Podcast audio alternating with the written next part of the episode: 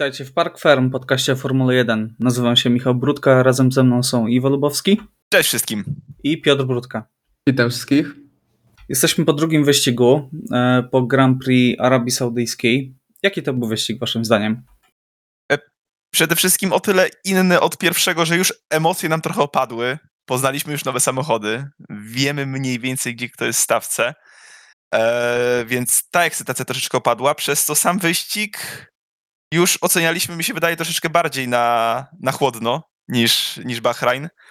A oceniając sam wyścig, właśnie uważam, że był on raczej średni do safety cara, bądź do tych ostatnich nawet 15 okrążeń, bym powiedział. Także nie było on jakoś nadzwyczajny, ale przynajmniej mieliśmy intensywną końcówkę. Jakby jest to i tak o wiele więcej niż, niż, niż yy, moglibyśmy się spodziewać przez cały sezon na przykład 2019 czy 2020.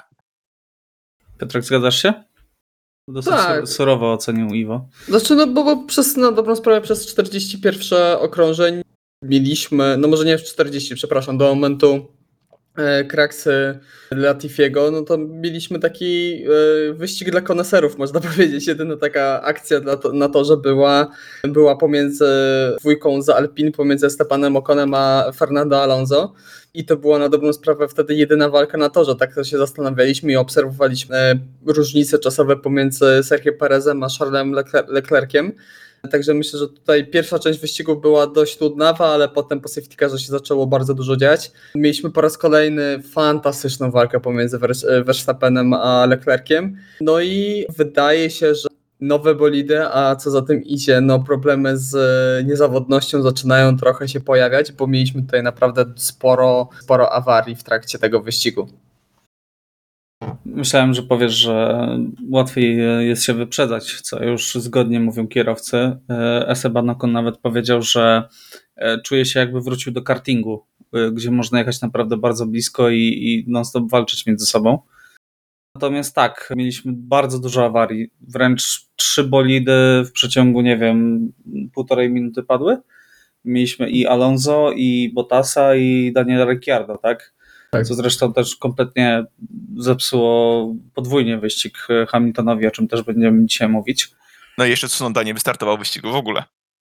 Tak, mm. dokładnie. No, Schumacher też, ale wiadomo, że z innych, tak. E, z innych powodów.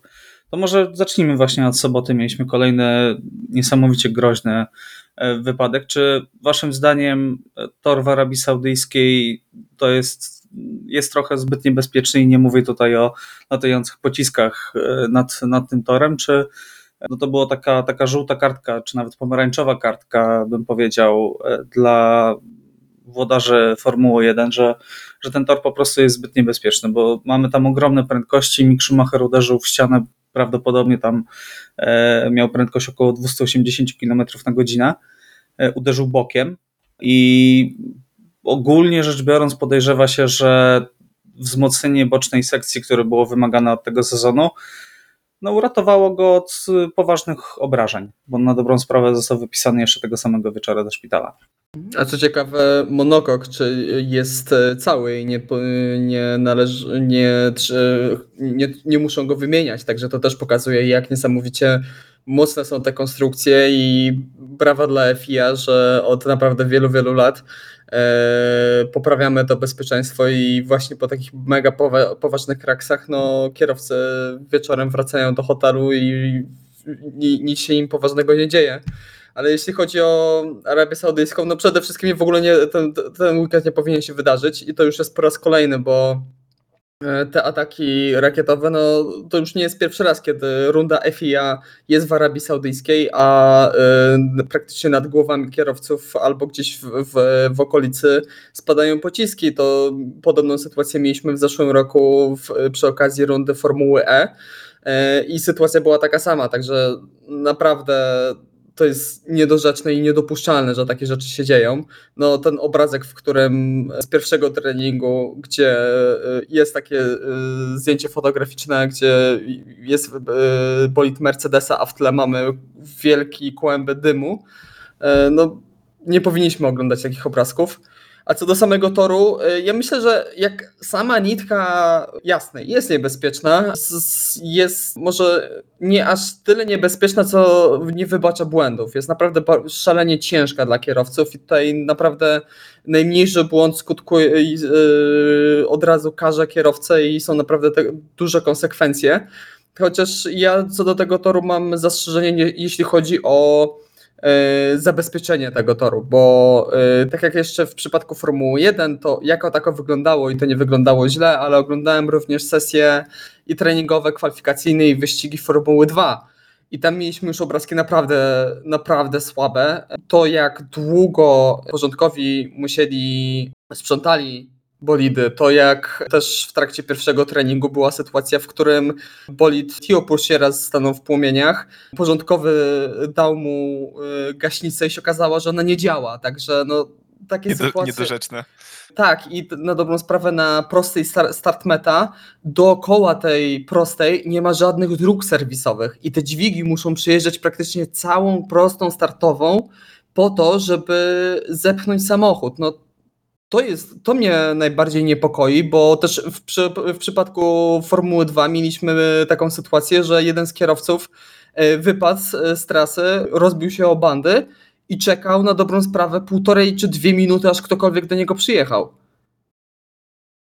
Wywieszona została czerwona flaga, ale kompletnie nikt tam Mhm. nie przyjeżdżał, w ogóle zero jakiejkolwiek reakcji i to, to mnie najbardziej niepokoi, że jeszcze jak w przypadku Formuły 1 jako tako to wygląda, albo w przypadku Formuły 1 akurat e, kierowcy mają, e, mają wypadki w miejscach, gdzie akurat blisko są porządkowi, albo te drogi serwisowe rzeczywiście są, ale jak w końcu będzie dzwon porównywalny do tego, jaki, w, e, jaki miał Mick Schumacher w miejscu, gdzie jest akurat ciężko dostępne, no, no to, to, to jest niebezpieczne moim zdaniem. To jest najbardziej największe niebezpieczeństwo tego toru, że on jest naprawdę ma bardzo słabą infrastrukturę, jeśli chodzi dookoła o te drogi serwisowe, o porządkowych, o, y, o dźwigi dookoła. Naprawdę słabo to wygląda.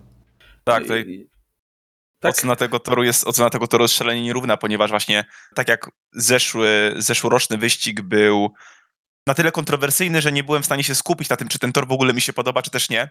Nie, tam był totalny chaos, tak? Tak, dokładnie. Tak, w tym roku, w tym roku jestem w stanie, może przesadzę, jeżeli powiem, że może nie aż, że się zakochałem w tej nitce, ale oglądanie kwalifikacji na tym torze uważam, że jest naprawdę fenomenalne i oglądanie tego toru z, z, z kasku, z kamery kierowcy, no jest świetne. Ja uważam, że ta szybka nitka akurat naprawdę jest e, trafiona pod kątem zakrętów i zdecydowanie przekonuje się do samej nitki, ale tak jak sobie chyba rozmawialiśmy my, czy, czy, czy tam ewentualnie z kimś innym wymienialiśmy opinię na temat tego toru, wszystko fajnie, tylko żeby ten tor mieścił się w innym kraju.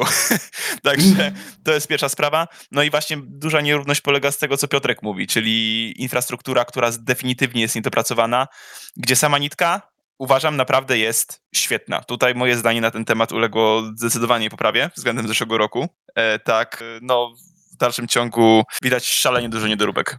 No, też największą bolączką tego toru są, jest to, że nawet nie sama prędkość, ale to, że mamy dużo ślepych zakrętów i jak kierowca wypadnie, na szczęście takiej sytuacji jeszcze nie mieliśmy, ale wypadnie zaraz za takim ślepym zakrętem, no to to naprawdę mogą być szalenie niebezpieczne I tak sytuacje. został w tym roku już ten tor poszerzony nieco w niektórych e, momentach. Tak, i właśnie to, to jest ten duży problem, bo też wielokrotnie narzekamy na tory typu Paul Ricard, że tam nie ma jakiejkolwiek, że to jest taki bezpłciowy tor, na którym nie ma jakiegokolwiek, no może nie zagrożenia, ale że on jest taki właśnie.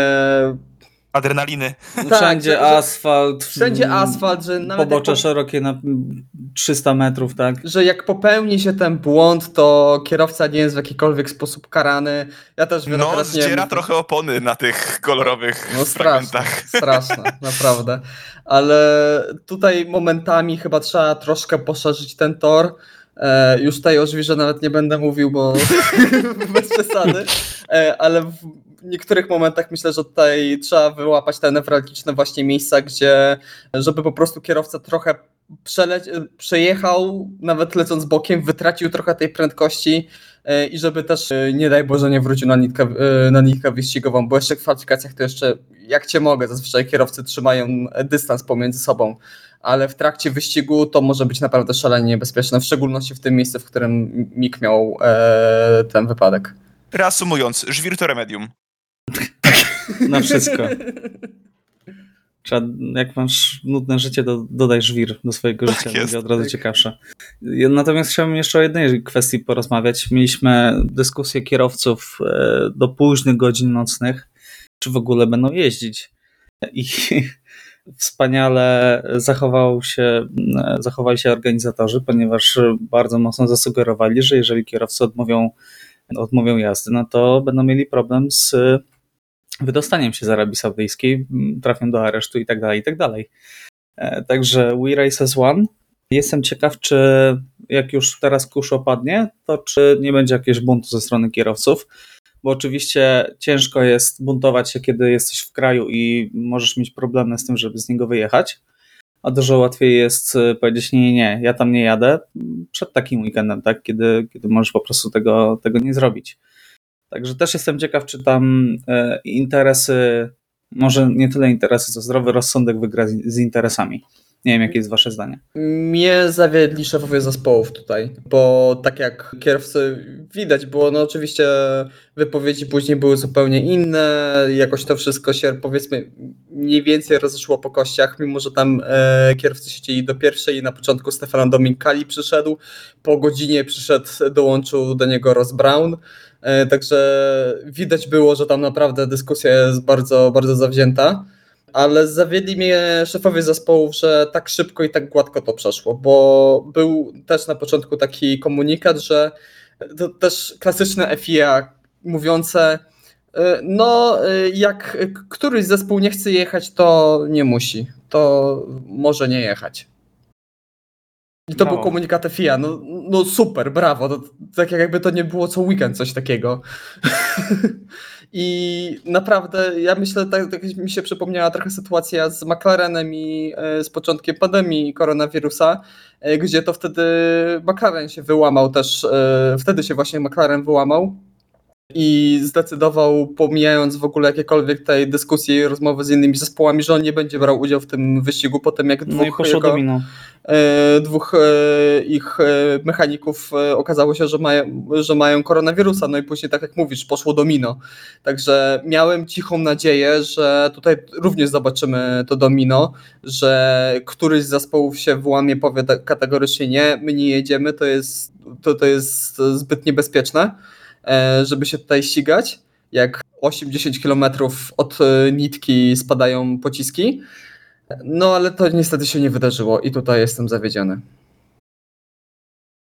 Okej, dobrze, to może przejdźmy do, chyba że Iwo chcesz coś jeszcze dodać tutaj. Nie, tutaj się zgadzam z Piotrkiem. Jakby przede wszystkim na pewno pozostanie niesmak po tym, po tym weekendzie, ale wydaje mi się, że nic więcej tutaj nie trzeba dodawać niż Cash is King, już klasyczne, Mm. wielokrotnie powtarzane. No, mam wrażenie, że może nie być tak gładko przed kolejnym wyścigiem w Arabii Saudyjskiej. Na pewno będzie głośno i będzie powrót do tej sytuacji, jestem przekonany. No, Do rozmów przynajmniej. Albo, albo znowu będą spadały pociski gdzieś tam w tle.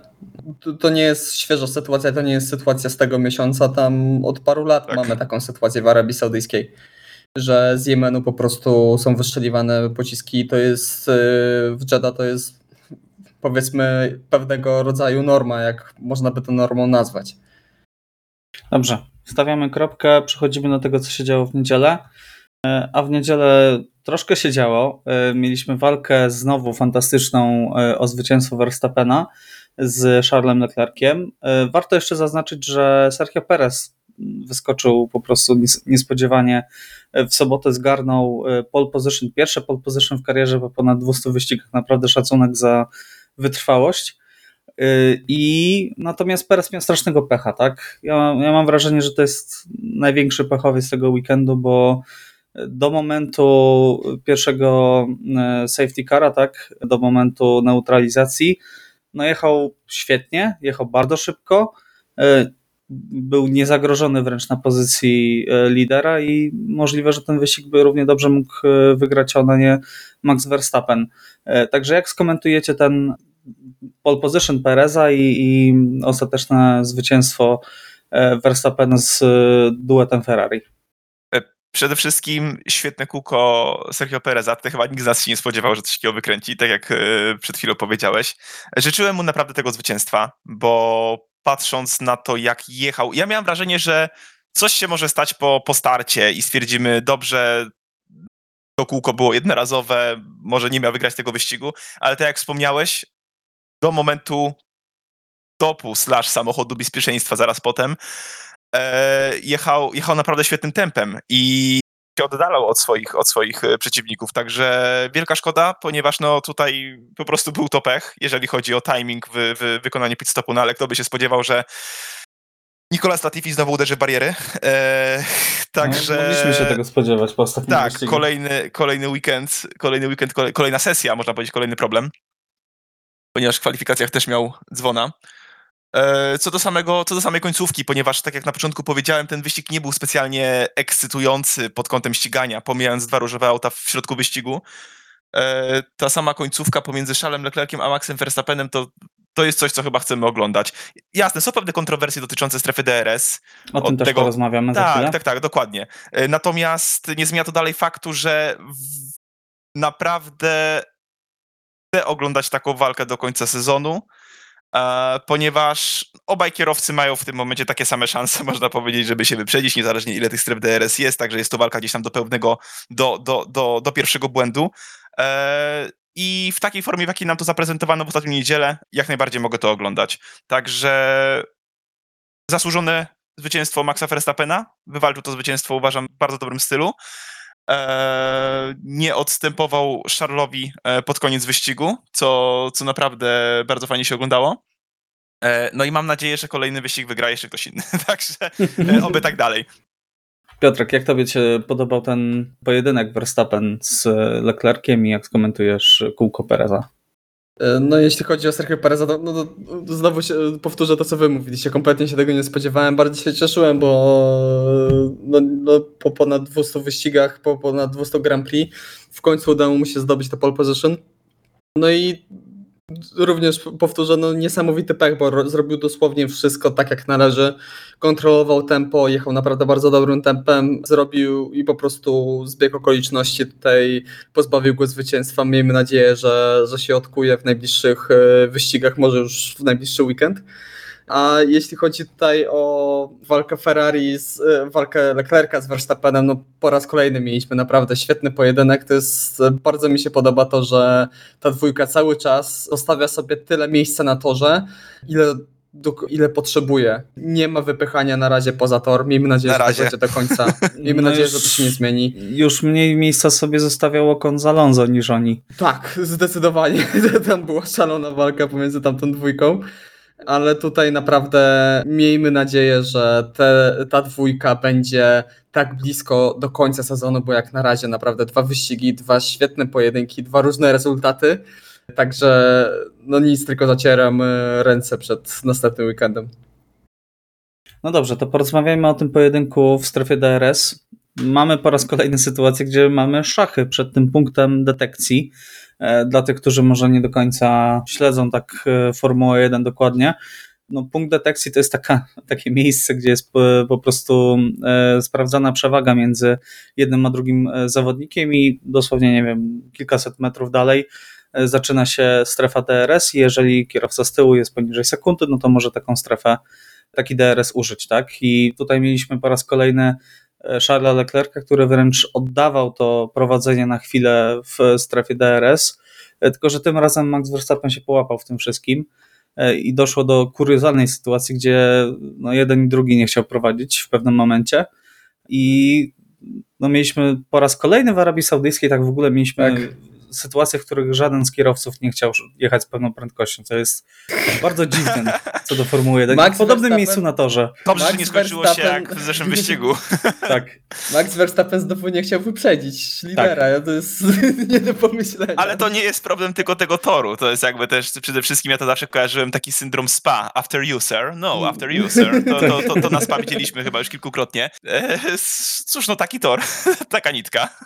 No ale czy waszym zdaniem FIA powinna się tym zainteresować i coś zrobić. Na przykład, nie wiem, ten punkt detekcji wrzucić w takim miejscu, w którym, jeżeli się da oczywiście, to żeby takie krętactwa nie były możliwe, czy to jest po prostu e, w tym momencie część uroku tego całego systemu i z tym nie da się walczyć. No, musielibyśmy zobaczyć, jak wyglądałby wyścig w momencie, kiedy ten jeden punkt detekcji dotyczyłby dwóch stref DRS tak jak to będziemy mieli na kolejnym wyścigu. E, dwa takie, dwa, cztery strefy, dwa punkty. E, natomiast biorąc pod uwagę konstrukcję tego toru, wydaje mi się, że wtedy kierowca z DRS-em miałby już zbyt dużą przewagę, ponieważ te prosty są faktycznie długie. Mhm. E, ciężko mi powiedzieć, naprawdę. Na razie mieliśmy tutaj dwa wyścigi zupełnie, zupełnie różne. Za krótki jest sezon, żeby ocenić, bo same strefy DRS to jedno, natomiast tak jak rozmawiamy o tym od samego początku, konstrukcje bolidów, które pozwalają, się, pozwalają na ściganie y, bliskie, no sprawiły, że zwracamy na to jeszcze większą uwagę. E, ale no, na razie uważam, że lepiej iść w tę stronę, póki co, niż coś zmieniać, jeszcze teraz przynajmniej. Po dwóch wyścigach moim mhm. zdaniem to jest jeszcze za mało czasu na, na taką jakoś y, zupełnie obiektywną ocenę. Okej, okay, czyli będziemy to monitorować. Chciałbym jeszcze wrócić do jednej kwestii. Carlos Sainz drugi wyścig, drugie podium, można powiedzieć, no super. Ale jednak e, no myślę, że zarówno my, jak i Hiszpan nie jest z tego e, faktu zadowolony, bo jednak nadal ta różnica między nim a Leclerciem jest. Chociaż w kwalifikacjach już się zanosiło, że Sainz będzie naprawdę walczyć jak równy z równym. Zabrakło tego okrążenia w Q3. No. Natomiast pozwól Piotrek, że jeszcze jedną rzecz wrzucę. Najbardziej niezadowolony z tego, że Sainz odstaje od Leclerca jest Red Bull i to oficjalnie powiedzieli w wypowiedzi, bo liczyli na to, że będą sobie zabierać punkty i po dwóch wyścigach kreuje się jasny lider Charles Leclerc i e, równie dobrze jeszcze parę takich wyścigów i parę problemów e, Sainza i zaraz możemy mieć sytuację, w których będzie no, jeden lider, tak, pod który będzie podporządkowany. Podział na kierowców, tak. No, Piotrek, w, chciałeś coś powiedzieć. Tak, że no już po raz kolejny, bo w Bahrajnie też mieliśmy taką sytuację, że w Q2 to Carlos Sainz był przed Charlesem Leclerciem, wtedy to była jedyna sesja, w której był przed nim, e, a tutaj no Q3 znowu Charles Leclerc był górą. No, też w zeszłym sezonie wielokrotnie to widzieliśmy, że Charles po prostu w Q3 potrafi odpalić naprawdę niebywałe kółko, naprawdę mega szybkie. E, a w tym sezonie jak na razie no tempem wyścigowym odstaje strasznie e, Carlos Sainz, naprawdę. Tam tak po jak, 30 mniej więcej jest na okrążeniu. Dokładnie, tak jak w zeszłym sezonie oni jechali zbliżonym tempem, bądź nawet na niektórych e, obiektach Carlos był szybszy od e, Charlesa, tak tutaj jak na razie po tych dwóch rundach naprawdę Carlos w tempie wyścigowym odstaje i no, niezbyt to e, pozytywnie wygląda dla Hiszpana, który, no wiadomo, nie oszukujmy się, w końcu ma po raz pierwszy w swojej karierze ma bolid, którym będzie mógł walczyć, którym może walczyć o, zwy, e, o zwycięstwa, którym najprawdopodobniej będzie mógł, jest, będzie zdolny walczyć o tytuł mistrzowski również, a jak na razie no po prostu odstaje od Charlesa Leclerca. No i to jest duży problem dla, dla niego, bo myślę, że Ferrari też nie płacze jakoś z tego powodu, bo nie musi po prostu zarządzać dodatkowo jeszcze kierowcami, żeby się nie pozabijali na tym torze. W ogóle to, to jak Red Bull po tym wyścigu podkreślał, jak wspaniale, jak się cieszą, że oni rywalizują z Ferrari, że to z Ferrari to jest naprawdę tak. fajna rywalizacja, nie to co z Mercedesem. W ogóle Helmut Marko, co jak popłynął, nie wiem czy słyszeliście, jak zaczął mówić, że naprawdę Ferrari to jest fantastyczny rywal, że pomiędzy nimi to jest wymiana idei i pomysłów też. E, że no mhm. po prostu zupełnie inna kultura. Nie że oni są, wiadro, bo że, że oni są po pro, bardzo blisko, jeśli chodzi o podejście do ścigania, że w ogóle no taka laurka, jak nigdy nie słyszałem z ust Helmuta Marko. Naprawdę, nie wiem, co mu się wydarzyło. Ciekawe, co szykuje. Ciekawe, co będzie mówił za 10 wyścigów. Cie tak. ciekawe, ciekawe, go zwolni zaraz, tak? Yuki Tsunoda nerwowo spojrzał na swój kontrakt. No dobrze. Czy chcielibyście coś jeszcze dodać do walki na, na samym szczycie? Ja tylko chciałbym jedno dodać, proszę więcej. Tak, tak. Dokładnie. Więcej, więcej, więcej. Okej, okay, to przejdźmy do y, aż dziwne, bo ja, ja, ja, nadal się czuję nieswojo, kiedy rozmawiamy o walce o zwycięstwa, stawiamy kropkę i zazwyczaj przychodziliśmy do formuły półtora. Więc teraz będziemy roz... A teraz rozmawiamy o Mercedesie, tak? I mieliśmy naprawdę no, fatalny weekend Hamiltona. No, nie pamiętam, kiedy Lewis znaczy pamiętam, bo oczywiście na Twitterze ktoś już, już to wygrzebał, tak? Luis nie wchodzący do Q2, e, to ostatni raz, e, biorąc pod uwagę tylko czyste tempo, bo tutaj nie mieliśmy żadnych problemów technicznych, Luis sam to przyznał. Zespół też przyznał, że te ustawienia, bo Luis tłumaczył się, że poszli w złym kierunku z ustawieniami. Zespół o dziwo powiedział, że te ustawienia wcale się tak dużo nie różniły w, stosunku do niego i Russella ale Luis nie czuł się kompletnie komfortowo, odpadł e, w Q1 i ostatni raz taka sytuacja miała miejsce w Turcji w 2009 roku. Wow. Tak, Koniec pewnej epoki. To jest też e, najgorszy start e, sezonu Louisa Hamiltona od sezonu 2009.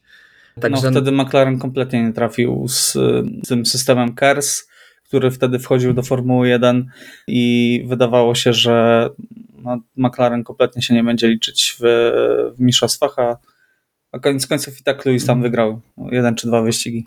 Tak, dokładnie. Także myślę, że tutaj możemy mieć podobną sytuację, że w końcu Lewis Hamilton wygra ten wyścig w tym sezonie. Ale no na, y, bardzo słabo to wyglądało. Tak jak mówiłeś, y, no nie trafił z ustawieniami. Wiadomo, że tłumaczenie się trochę takie Mercedesa, że te ustawienia pomiędzy bolidami nie były aż takie różne, no ale mamy dwóch różnych kierowców, którzy, każdy kierowca jest inny, każdy kierowca ma trochę inne preferencje, jeśli chodzi o swój styl jazdy, o zachowanie samochodu, także... No, George Russell przez 3 lata się taczką ścigał, także jest przygotowany na tak, dla niego to jest no, upgrade. Dokładnie, były już takie właśnie takie komentarze, że ma większe doświadczenie w jeżdżeniu taczką, także... E, także tutaj e, no naprawdę George Russell pokazał się z bardzo dobrej strony, myślę, ale no kiepsko wygląda Mercedes na razie. No, poczekamy na, te, na ten zapowiadany już po raz kolejny e, pakiet poprawek na na Imole dopiero, bo jeszcze w. No ja słyszałem, że na Australii coś szykują już. Znaczy, e, na Australii coś będą szykowali. Już tutaj mieli zmienione tylne skrzydło, także nadal jakieś małe poprawki będą, ale w, w, na Imole mają być e, większy pakiet poprawek. Ale tutaj no, nadal mają problem z porpoisingiem, gibaniem, falowaniem, tak. jakkolwiek to na, nazwiemy. I tutaj Mercedes, wypowiedzi ze stajni Mercedesa są naprawdę niepokojące, bo oni przyznali, że oni się spodziewali, że ten problem będzie znacznie, znacznie mniejszy spodziewali się, że ten tor jest e, o wiele bardziej e, gładka jest nawierzchnia, mniej wyboista, że nie będzie to aż takim wielkim problemem, a się okazało, że naprawdę było, także można powiedzieć kłopoty, kłopoty Mercedesa na początku tego sezonu. No i zobaczymy, ja czekam na ten pakiet poprawek, bo chciałbym naprawdę, mimo tego, że mam serdecznie dość dominacji Mercedesa, e, w Formule 1, to chciałbym, żeby tempem dociągnęli do, te, do Ferrari i do Red Bulla i żeby tam też się wmieszali w tę walkę o czołowe lokaty, bo może być jeszcze lepiej, jeszcze bardziej interesująca. No ja mam w głowie scenkę z drugiego treningu, kiedy e, George Russell wyjechał na kolejny wyjazd i e, inżynier go zapytał, czy porpoising e, jest hardkorowy. George powiedział tylko jedno słowo, tak. Oni tam skakali naprawdę jak na trampolinie, ci kierowcy. Ja trochę w nim współczuję, no bo naprawdę musi być to wycieńczające dla, dla organizmu, dla mięśni. Zwłaszcza dla... na takiej prostej, jak w Arabii Saudyjskiej jest na torze. Dokładnie, biorąc, a zaraz po tym jak cię tak wytelepie na prostej, wjeżdżasz w sekcję mega szybkich zakrętów, także to naprawdę musiał być niesamowicie ciężki wyścig zarówno dla George'a, jak i dla Louisa Hamiltona, który musiał się przebijać, próbować się przebijać, co koniec końców mu się nie do końca udało, no bo z jednej strony oczywiście zdobył punkty, dojechał na dziesiątym miejscu, miał trochę z jednej strony pecha, z drugiej strony sam przyspał, jeśli chodzi o zjazd pod safety carem. No ale jednak, Piotrek, przepraszam, że ci przerwę. Lewis Hamilton miał pecha w wyścigu, bo najpierw e, jechał na odwróconej strategii i ten pierwszy y, samochód bezpieczeństwa też trochę podciął skrzydeł, bo mógł jechać po prostu dalej i swoim tempem, a tutaj trafił praktycznie w środek walki a później no, ta czerwona flaga, znaczy czerwona flaga, przepraszam, ta neutralizacja i zamknięcie boksów, tak, e, które nastąpiło później, bo mógł zjechać, tak jak mówisz, to był błąd Hamiltona, zagapił się trochę, zwłaszcza, że Magnussen, który jechał tuż przed nim, zjechał po oponę. Tak, racja. No temat też... wyglądał, temat też polegał na tym, że to była dosłownie, to był ułamek, prawda? Mhm, widział tak. wolno zbliżającego się kierowcę do, do, do boksu, prawdopodobnie bym też speniał i nie zjechał, bojąc się y, ryzyka po prostu, obawiając się tego ryzyka. Także zrozumiałe, także nieuwaga i pech w jednym. No a z drugiej strony w momencie jak wjeżdżał safety car Hamilton nie był jakoś z przodu, nie dojechał do George'a Russella, tylko był na dziesiątej pozycji, także to też i po tym jak część kierowców też zjechała. Także to też nie był jakiś fe fenomenalny wyścig. Na pewno to No nie, tak. nie był wyścig w stylu Grand Prix Brazylii z zeszłego roku. O nie, o nie. No, trzeba pamiętać właśnie, że zajął dziesiąte miejsce, ale dojechało do mety 13, tak? Dokładnie. Więc no to też, też mówi za siebie. W ogóle widać to już drugi wyścig z rzędu, że silniki Mercedesa sobie nie za dobrze radzą. Wszystkie bolidy praktycznie. E, Z silnikiem Mercedesa dość powiedzieć, że w Q3 mieliśmy jeden silnik Mercedesa, e, George'a Russella, tak? No, Ja też jestem ciekawy, na ile to jest kwestia po prostu nie do końca trafionych konstrukcji. E, Ja słyszałem, przepraszam, że ci przerwę, że to jest kwestia nowej mieszanki paliwa. Że Petronas sobie z tym nie poradził i tracą sporo też na tym. O, to paliwo, o którym mówiłem. Tak. Tak. Znałem, że nikogo to nie będzie interesowało. a jednak, a jednak. Znaczy, ja też słyszałem takie wypowiedzi ze stanie Mercedesa, że te straty szacują, że ze względu na jednostkę napędową e, mogą tracić e, dwie dziesiąte na okrążeniu, że tutaj naprawdę o wiele więcej do zyskania jest, jeżeli chodzi o sam pakiet i myślę, że też jeśli chodzi o czy to Astona, czy to McLarena, no to tutaj główne problemy to są w konstrukcji samochodu, a nie w jednostce napędowej. No dobrze. To w takim razie przejdźmy dalej. Środek stawki. Mam McLarena z pierwszymi punktami. Mieliśmy fantastyczny wyścig, walkę między Alonso i Okonem. E, Mieliśmy w pewnym momencie też Alfa Romeo, która by the way Bottas po raz kolejny szósty w kwalifikacjach i w Q3 i tylko awaria spowodowała, że nie dojechał w punktach. E, Mieliśmy też Piera Gasly'ego, który skończył na ósmym miejscu. E, Także miesza się ta stawka, jakby nie patrzeć, wiadomo, dużo awarii, tak? E, Natomiast e, sporo się w tym środku stawki dzieje. E, Magnussen po raz kolejny dojechał w punktach, co to też bardzo ucieszyło e, Gintera Steinera oczywiście. Nad Lewisem to jest też Tak. Tak, niesamowity. Has wyprzedzający Mercedesa czystym tempem, walczący o pozycję. Coś pięknego. Przenieśmy się, przenieśmy, przy, przy, przenieśmy się do zeszłego roku, Michał, i to powtórz. Dokładnie. No. Jedyny kontakt, jaki oni mieli między sobą, to przy, przy niebieskich flagach, tak? Dokładnie. No I dobrze, to, to i to jak jak to. nie chcieli puszczać. Tak, to wtedy była walka. dokładnie. Jak to, jak to skomentujecie? Yy, Czy chcielibyście coś jeszcze do tego dodać, czy, yy, czy jednak yy, no to jest taki tygiel? Warto też zwrócić uwagę na to, że kierowcy też mówili, że to był bardzo ciężki wyścig dla nich. Russell mówił, że to był najcięższy wyścig w jego karierze. Pierre Gasly powiedział to samo, dodatkowo on cierpiał na jakieś straszne bóle w szyi i mówił, że każdy... W żołądku, W tak. żołądku. O, przepraszam. Żeby go tam w szyi nie ściskało. oby. No. No, natomiast ostatnie tam kilka okrążeń to była prawdziwa tortura dla niego. Więc brawo dla, dla Piera, że, że dojechał na tym ósmym miejscu. No póki co zapowiada się dokładnie, że będziemy mieli obiecującą walkę między Alpin, Hasem, Alfą, Romeo i Tauri. Tak. Także, także McLaren gdzieś mam nadzieję też tutaj wróci do, wróci do tej walki.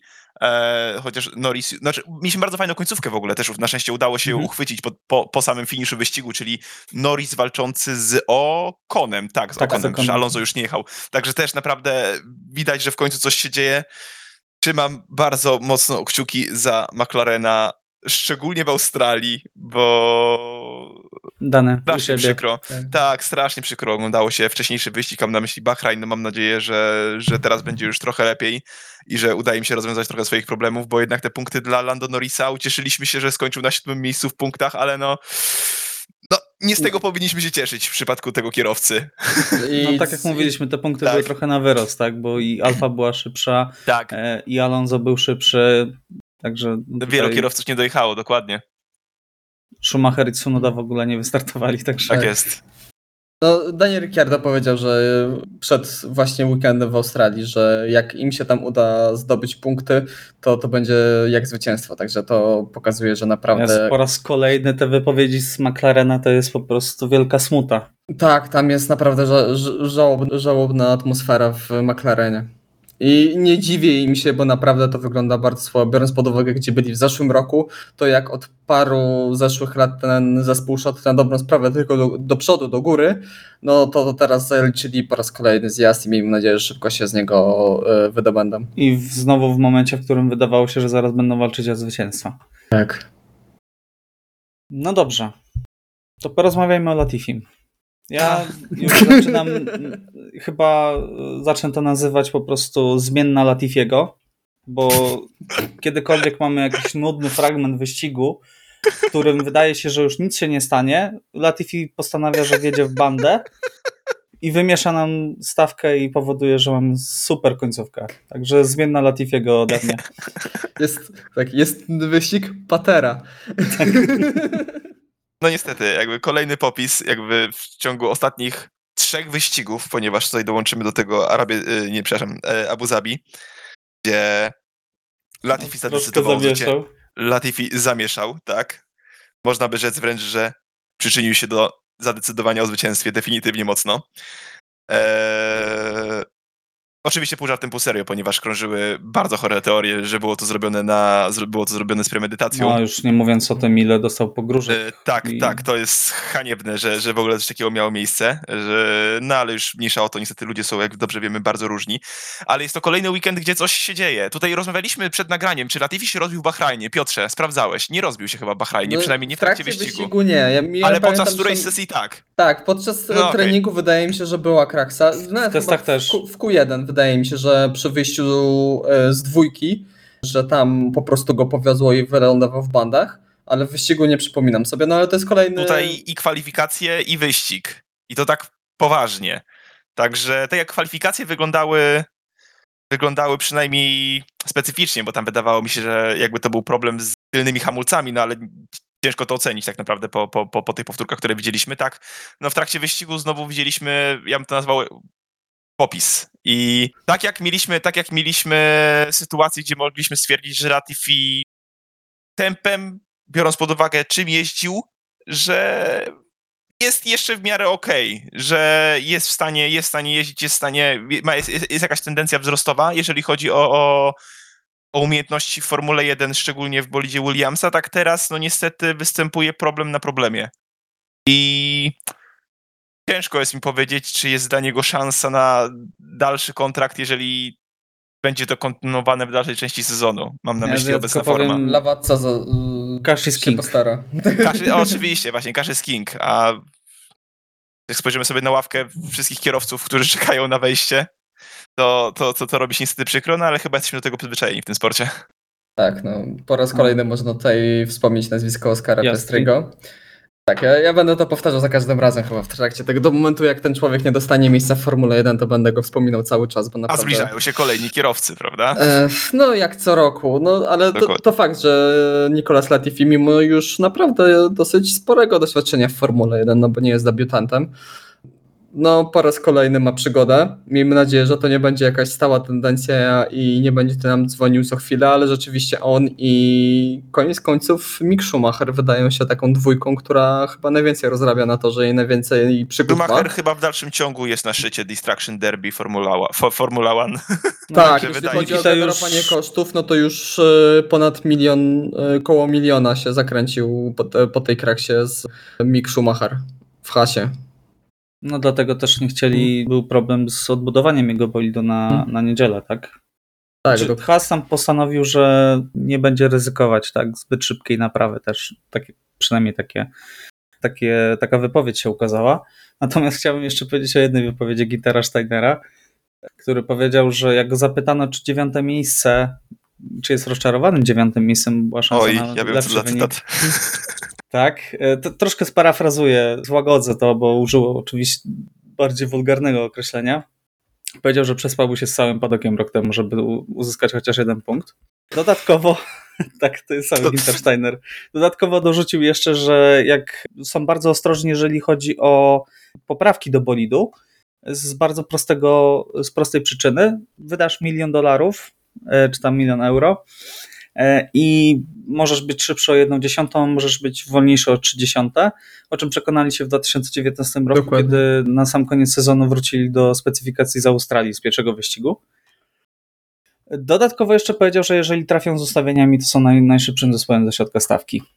Mm.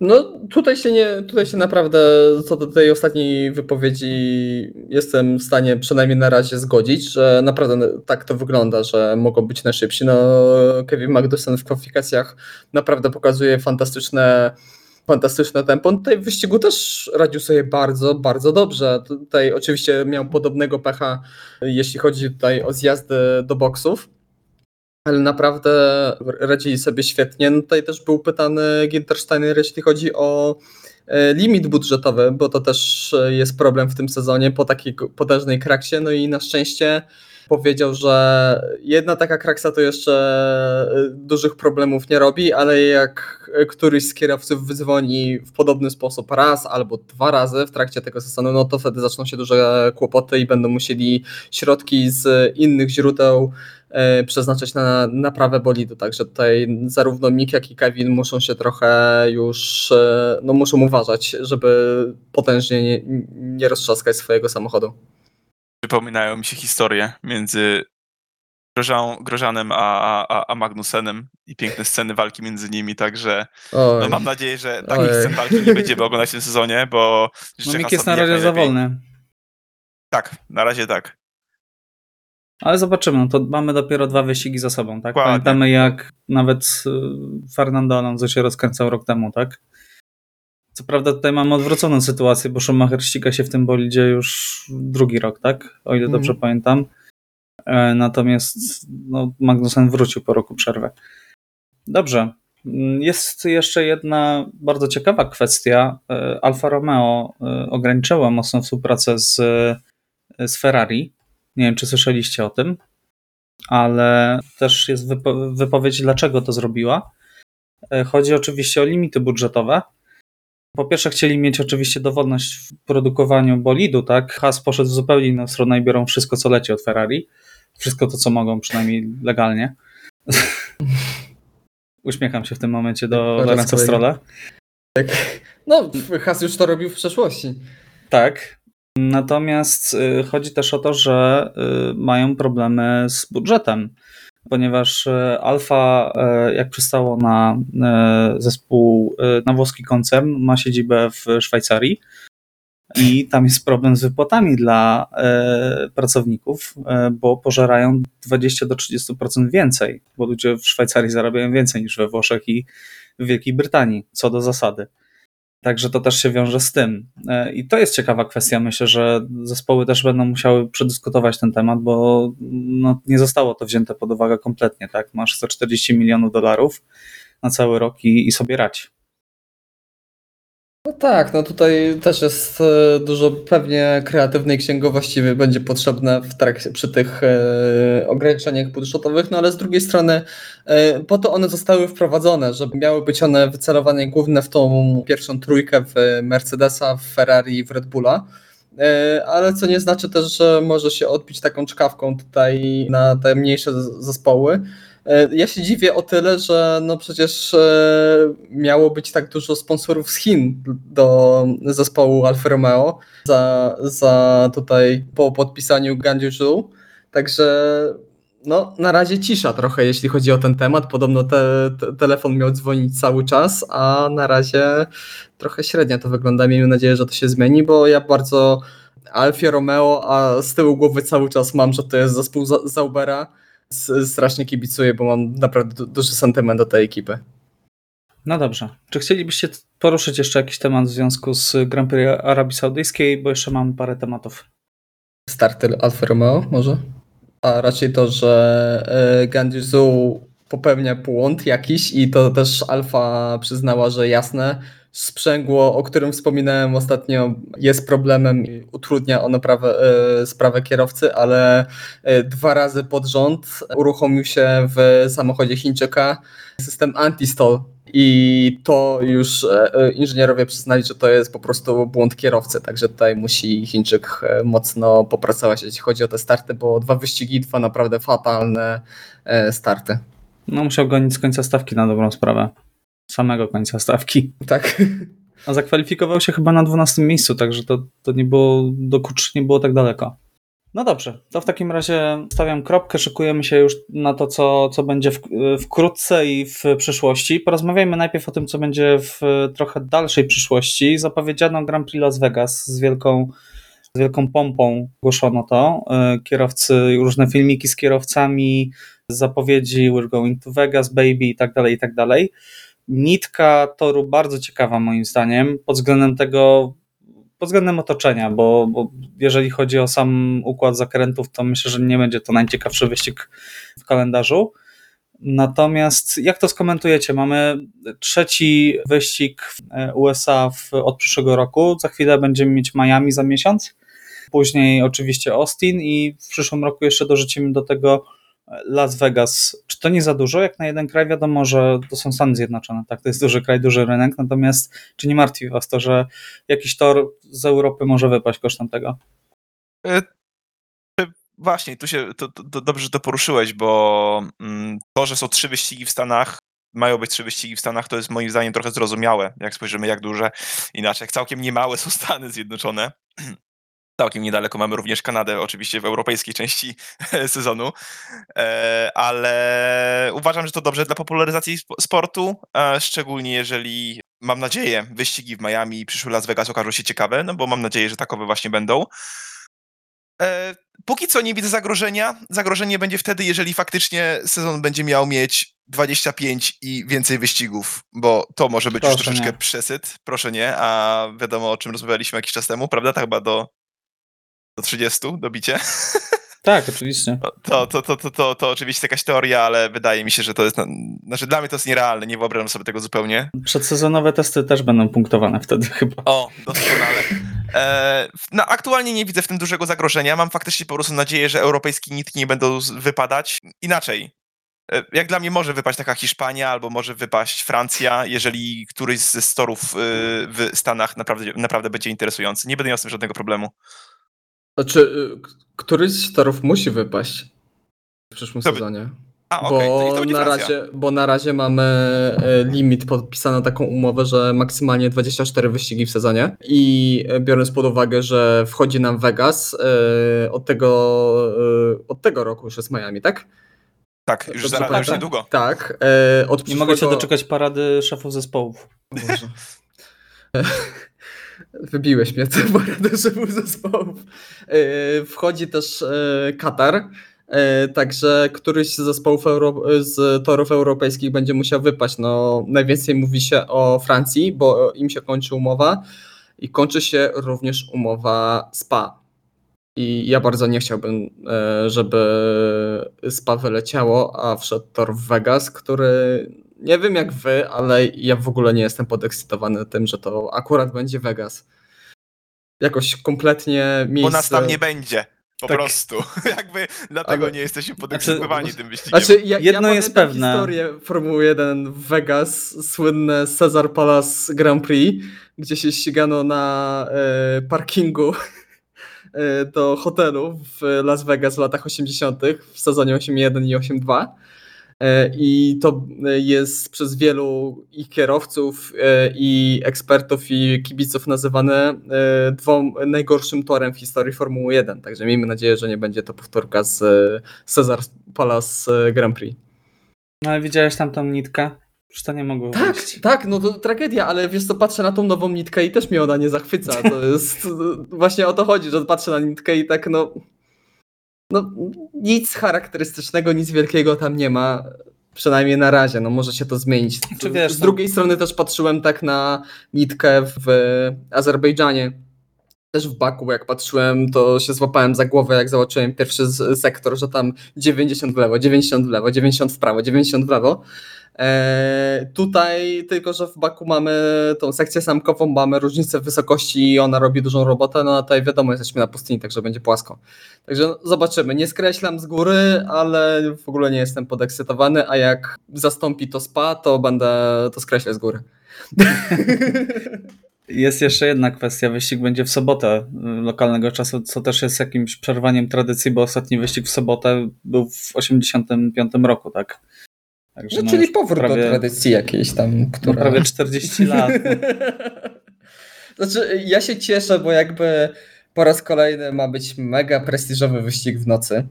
Niech będzie w nocy, ale jakby miał U być... nas będzie 6 rano na początku listopada, to nie, nie będzie ciężko wstać. Michał, jakby mieli jechać w niedzielę w nocy, to my byśmy musieli o 6 rano w poniedziałek oglądać ten wyścig. No i prosto do pracy potem. Nie no, fantastycznie. Nie, z tym się nie kłócę, tak? Chodzi o to po prostu, że no już będzie końcówka sezonu. Mam nadzieję, że nie będzie takiej sytuacji, że no wszystko będzie już rozstrzygnięte w mistrzostwach, tak? I będzie trzeba wstać w niedzielę o 6 rano na wyścig. Ja lubię wstawać na poranne wyścigi. Tęskniłem się za tym. No będziemy mieli to już ten weekend. Yes. No dobrze, czyli patrzymy na to. Ja jestem przekonany, że ten wyścig to będzie tylko dodatek do całego weekendu dla osób, które tam będą, bo tam pewnie mnóstwo koncertów. Już sobie wyobrażam te wszystkie filmiki, które Formuła 1 będzie chciała zrobić, jakieś, nie wiem, e, Grill the Grid w kasynie czy coś takiego. No, Mhm. Kontentu będzie na pewno masa i zespoły też to na pewno wykorzystają. Dobrze, że Formuła 1 staje się coraz bardziej popularna w Stanach. Bernie nie potrafił się przebić na ten rynek, a Liberty jednak zna swoich e, i, i wie w jakie strony uderzyć. Natomiast no mam wątpliwości. No jak wypadnie spa, to będę obrażony bardzo na, na Las Vegas. E, Natomiast Monaco też jest bardzo blisko wypadnięcia z kalendarza. Wiem, że już wielokrotnie się o tym mówiło, e, natomiast tutaj kończy się umowa i no, ludzie z Liberty jasno mówią, że Monaco musi płacić więcej. I to jest największy problem, bo Monaco jeszcze kilka lat temu nie płaciła nic, jako że to był najbardziej prestiżowy, prestiżowy Grand Prix w całym kalendarzu. Natomiast teraz, jak mamy i Miami, e, będziemy mieć Las Vegas, e, to trochę ten, ta wyjątkowość Monaco zejdzie na drugi tor. E, Zwłaszcza, że no, nie ukrywajmy, w Monako nie da się wyprzedać tymi bolidami. Bolidy stały się ogromne w ostatnich latach i no i ściganie się, wyprzedzanie się na tym torze no, jest niemożliwe. Bardziej ekscytująca jest sobota, to, to prawda. Tak, sobota jest Sobota niesamowita. jest sobota to jest chyba mój, sobota w Monako to jest chyba mój ulubiony dzień w całym kalendarzu Formuły 1. Bo oglądanie Mhm. jak te bolidy jadą na absolutnym limicie, ocierają się o te bandy. Jak, Ta kamera przy, przy basenie. tak, no to Ten jest, lewy, to jest prawy, no, kosmos. Coś niesamowitego, naprawdę. I ja bardzo nie chciałbym, żeby w Monako wypadło kiedykolwiek. No bo, kurde, no Formuła 1 bez Monako to trochę jak e, World Endurance Series bez, e, bez Le Mans. To, to, to, jest, to jest ikona tego sportu, to jest ikona tej serii wyścigowej, to jest wielka tradycja, wielka e, historia. Każdy z, z, z młodych kierowców zawsze marzył i marzy o tym, żeby wygrać w Monako. Jest to wielki prestiż i no, jasne, rozwijajmy się, otwierajmy się na nowe rynki, e, ale nie zapominajmy o historii tego sportu i nie, nie kopmy jej tylko dlatego, że no, w niedzielę nie ma wy, wyprzedzania. No, dla mnie Ale to... Piotrze, Piotrze, Piotrze, Piotrze, bolidy nam tyją. Jeszcze trochę i nie No- będą mogły tam skręcać. No, no, to, no to trzeba się starać. No, życie. poszerzyć, poszerzyć ulicę. Tam nie ma Jest- jest- miejsca jest taki tor- To jest największy No, problem. Jest dokładnie. taki tor Makału, tam też jest Ojej. nawrót. Tam też jest nawrót, w którym nie można skręcać, a kierowcy w, w, w s- samochodach e, turystycznych tam e, zaciągają ręczny, żeby się zmieścić w tym nawrocie. Także takie miejsca mają swoje uroki i myślę, że nie trzeba ich skreślać tylko dlatego, bo nie będziemy mogli e, oglądać manewrów wyprzedzania, bo nie będzie Poczekajmy na 20 mianek tegoroczne- na. Tak. Poczekajmy na tegoroczne Monako. Jak Verstappen Mac? z Leclerciem będą się wyprzedzać, to, to jest jeszcze nadzieja dla tego wyścigu. Dokładnie, no Max Verstappen pokazał, że można wyprzedzać na tym torze, jest to szalenie ciężkie, ale można się, można mimo wszystko wyprzedzać. No dobrze, to szybko przechodzimy do kolejnego tematu, bo już prawie godzinę gadamy. E, Volkswagen ma w tym tygodniu jeszcze dać e, zielone światło mm, Audi i Porsche do wejścia w Formułę 1. Mówi się, że te dwa koncerny mają wejść. Audi ma wykupić udziały, zainwestować w McLarena 500 milionów euro, gdzie przypominamy, że McLaren miał swoje problemy finansowe e, i musieli nawet e, dać pod zastaw swoją siedzibę, tak, dwa lata temu. Nie wiem, czy ją wykupili, ale na pewno szukają inwestora. Natomiast y, Porsche miałoby związać się z Red Bullem, bo jak wiadomo, Red Bull teraz robi całkowicie samodzielnie y, silniki i nie, nie korzysta już w ogóle z technologii Hondy. Procentowo samodzielnie. Tak. Tak, tak. Nikt z Hondy tam nie ma udziału tak. w ogóle. Natomiast mówi się, że Audi miałoby zainwestować 500 milionów euro, ogromne pieniądze. No a Porsche, no to wiadomo, miałoby wejść w taki mariaż z Red Bullem jak to skomentujecie? Ja, ja, jeżeli to dojdzie do skutku, to będę mimo wszystko mocno rozczarowany, bo liczyłem, że wejdą swoimi zespołami fabrycznymi. Przynajmniej jeden no, z nich. Tak, tak, tak. tak. Przynajmniej ja miałem nadzieję, z koncernu że... Volkswagena. Tak, ja myślałem, że, że Audi wejdzie ze swoim zespołem. Naprawdę mocno na to liczyłem i oczywiście fajnie, że jakby McLaren miał więcej środków yy, i miałoby to zabezpieczyć tą kwestię finansową tego zespołu. No ale tak jak mówicie, no jestem trochę zawiedziony, że tak gigantyczny koncern jak Volkswagen no nie zdecyduje się na swój zespół samodzielny. Oczywiście wiadomo, że to jest, e, są gigantyczne koszty.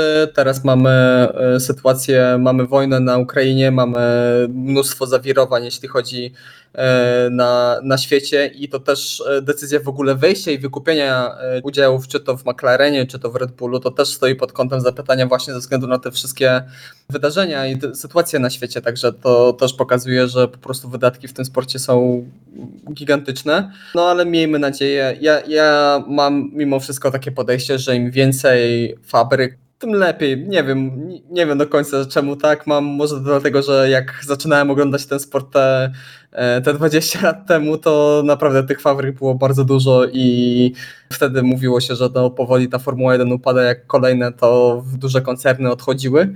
Także ja. No, ja BMW, ja Toyota, Honda, tak, żeby szybko wymienić. No. Tak. Także, ale no mamy, tak.